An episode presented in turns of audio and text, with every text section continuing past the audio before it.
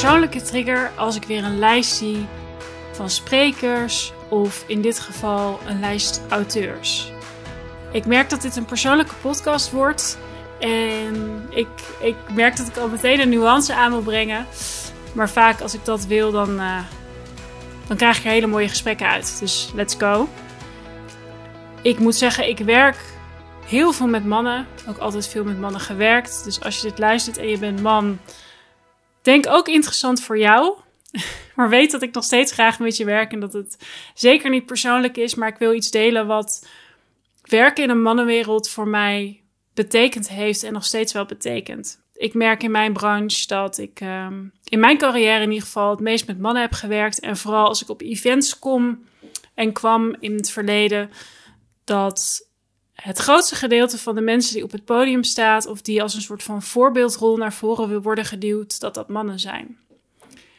En dat heeft in het verleden, en nog steeds merk ik wel, maar het heeft vroeger veel met mij gedaan. Ik ben de afgelopen tijd ook best wel aan het verdiepen in mannelijke en vrouwelijke energie. Ik denk dat ik best, nou, ik weet dat ik best wel veel mannelijke energie heb. En ook wel heb aangeleerd, denk ik dus, omdat ik veel met mannen heb gewerkt. En mij als, als vrouw best wel heb opgepokst. Zo voelde het soms omhoog.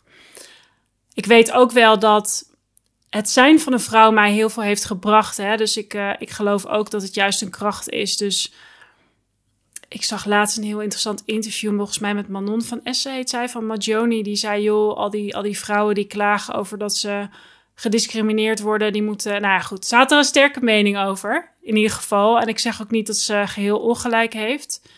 Ik vind alleen dat het antwoord wel wat genuanceerder ligt. Maar ik werd in ieder geval getriggerd omdat er een, um, een boek is uitgebracht in mijn branche. En ik iemand ken die daarin staat. Dus ik zat eens te kijken van, joh, wie hebben daar allemaal ingeschreven?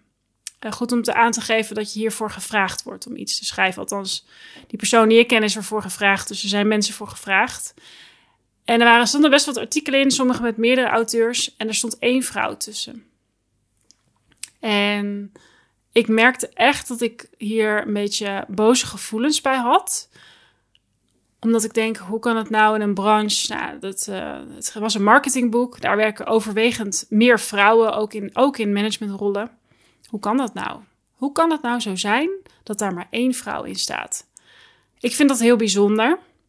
Eigenlijk is het niet zo bijzonder, daar kom ik zo wel op. Maar ik merk dus dat dat soort dingen me heel erg triggeren. Zo had ik een tijdje geleden een congres en toen keek ik naar de sprekers. En dacht ik, oh ja, 90% man. En, uh, en, ik weet dat ik uh, het voor de rest helemaal ook nog niet inclusief is. Hè? Dus dat, uh, dat wordt mijn volgende punt. Als je het hebt over culturele achtergronden, et cetera, is het ook echt nog niet zo goed geregeld. Maar ja, daar kan ik helaas niet over meepraten. Dus daar doe ik zelf uh, misschien ook niet goed genoeg mijn best voor natuurlijk. Om, om daar ook voor te strijden. Maar goed, ik dacht dit onderwerp laat ik het even bij mezelf houden. Wat het met mij als vrouw doet. En ik heb eigenlijk, en ik, ik zeg dit niet om iemand af te vallen, maar ik heb bijna alleen maar mannelijke managers ook gehad toen ik in loondienst werkte. Ik heb één keer een vrouw gehad, dat was in het begin. En nooit een managementlid. Zit ik te denken, nee, management erboven, nooit een vrouw. En ja, dat doet toch iets met je. Het heeft bij mij wel een vuurtje, een vuur in, ja, aangewakkerd. Dat ik dacht, nou, daar gaan wij wel tussen komen. Ik wil, ik heb een soort intrinsieke motivatie. Uh, ik heb op dit moment geen kinderen, maar als ik een dochter zou hebben, dat zij denkt van zo, die vrouw, die, um, kijkt er eens gaan, weet je wel. Nou ja, dat is natuurlijk helemaal. Er zijn veel andere dingen in het leven ook hartstikke belangrijk. Maar terwijl ik een van de redenen dat ik mijn bedrijf ben gestart, is dat mijn missie is heel sterk. Ik wil echt dat plantaardig de norm wordt, dat dat de standaard wordt. Maar ik wil er als vrouw ook echt iets in betekenen. Dus die hangt wel samen. Maar goed, dat boek kwam dus uit en ik zie die lijst en ik begon daar ook eens met vrienden over. Van hoe kan dit nou? Hè, hoe kan dit nou dat er geen vrouwen worden gevraagd? Want wat mij opvalt, als ik het heb over congressen of over nou ja, dit boek dus, dat degene die die sprekers vraagt vaak een vrouw is. Dus het is niet dat dat een man is. dus wat gebeurt daar nou? En ik ben ook wel heel benieuwd als jij dit luistert en um, ja, welke gender je ook mee identificeert kan het denk ik, maakt, kan het sowieso iets in je oproepen. Want wat een vriend van mij dus zei is, nou, toevallig ben ik nu met een event bezig en Wij zijn allemaal een beetje dezelfde vrouw aan het voordragen, maar die durft echt niet, die wil echt niet. En de andere vrouwen dragen allemaal mannen aan. Dat is toch interessant, hè? Um, zo was ik laatst ook voor iets voorgedragen via iemand. En toen was de reactie ook: ja, maar we putten uit ons huidige netwerk. En dan denk ik: ja, interessant. Dus ook vorig jaar was een uh, interessant event in mijn branche. En uh, ik keek naar die foto met alle sprekers en ik zag daar acht mannen. En uh, ik heb die persoon die dat organiseerde een berichtje gestuurd van nou, wat, wat tof en ik hoop dat het een leuke dag was. Maar ik ben zo benieuwd uh, waarom er geen vrouwen op het podium stonden. En zei ze ja, ja die, die, um, er zitten niet heel veel vrouwen in het management. Nou, dat is sowieso niet waar. En twee, ja, ze willen niet.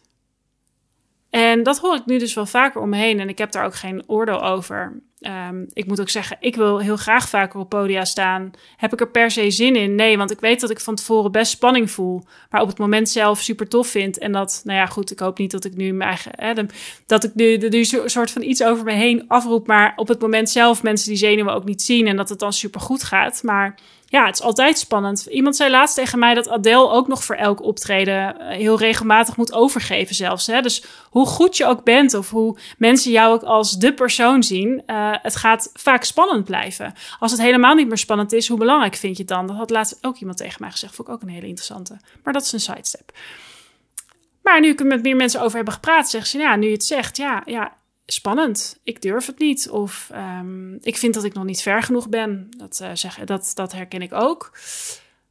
Maar dus ook dat als het op een presenteerblaadje wordt aangegeven, dat dan wordt gezegd: we putten wel uit ons huidige netwerk. Dus nou, ik dacht, ik ga je gewoon eens een podcast over opnemen, omdat ik het interessant vind om te weten van jou hoe jij dit ziet, hoe jij dit ervaart. Want ik zou het dus super interessant vinden als ik de komende jaren zo bezig blijf als ik bezig blijf. En dat er dan vrouwen die tien jaar jonger zijn dan ik, ik ben nu 37, uh, dat ze zeggen, joh, um, wat inspirerend of wat, ik wil daar ook staan. En die berichtjes krijg ik nu als uh, regelmatig, hè, maar ik heb het dan meer over, ja, vrouwen in mijn branche, dat we gewoon veel meer op gaan staan en gewoon die plek gaan claimen. Ja, ik wil eigenlijk zeggen, wat de, weet je wel, hoezo staan we daar niet?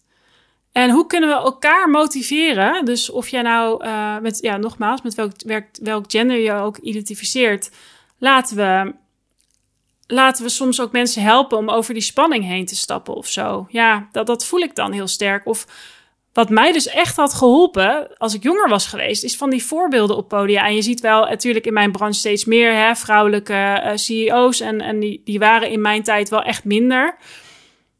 Maar ja, als één schaap over de dam is, zeggen ze toch, dan volgen er meer. En daar geloof ik wel echt in. En ja, ik ben ook niet zo voorstander van positieve discriminatie. Ik ben ook niet zo voorstander van die, hoe heet dat? Dat ze nu zeggen 50% van het management moet vrouw zijn. En dan krijg je allemaal discussies. Ja, iemand is niet geselecteerd omdat hij goed is.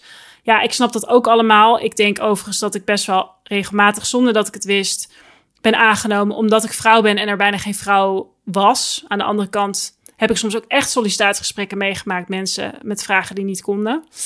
Dus ja, maar ik merk, laat ik hem ombuigen naar iets positiefs. Ik merk dat ik hier iets mee wil. Wat dat is, dat weet ik nog niet.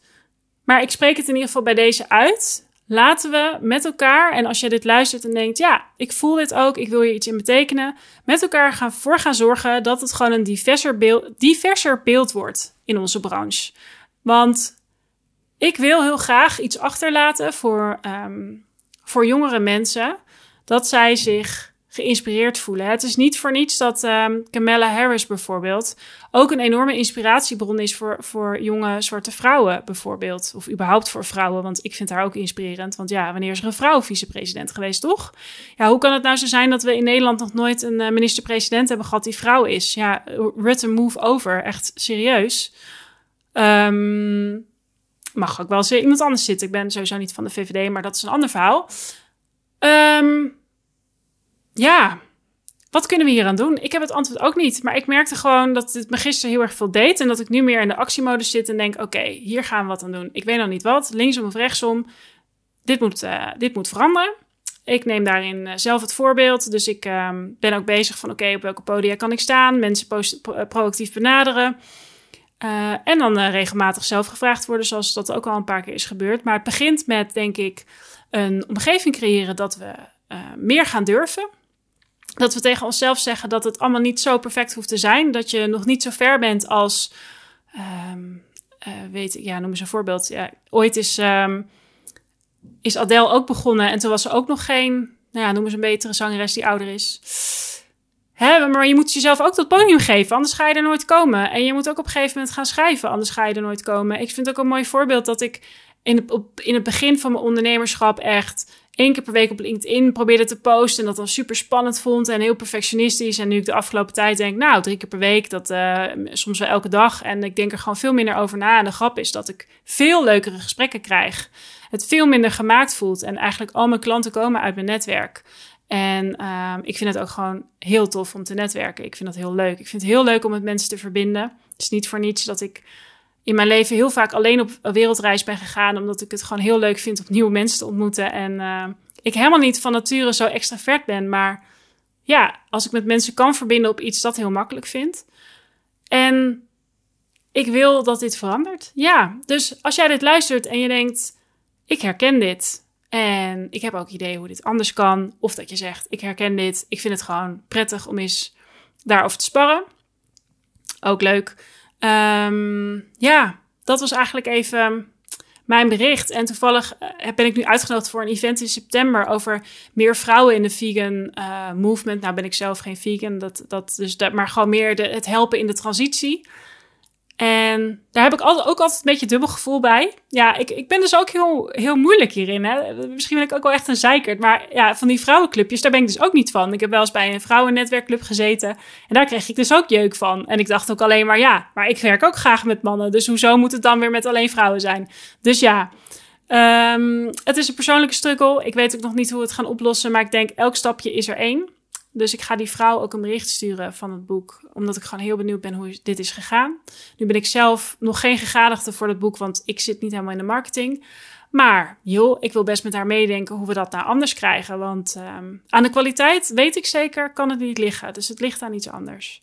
En ik zou het heel tof vinden als we dat gaan veranderen. En dat we over vijf jaar weer naar een andere verhouding kijken. En dat is niet alleen op gender, daar ben ik dus me helemaal van bewust. Maar dit is wel iets wat mij persoonlijk raakt en ik echt wil veranderen, zodat ik in de toekomst terug kan kijken en dat dat, ja, dat dat veranderd is. Dat lijkt me echt fantastisch. Een hele fijne dag.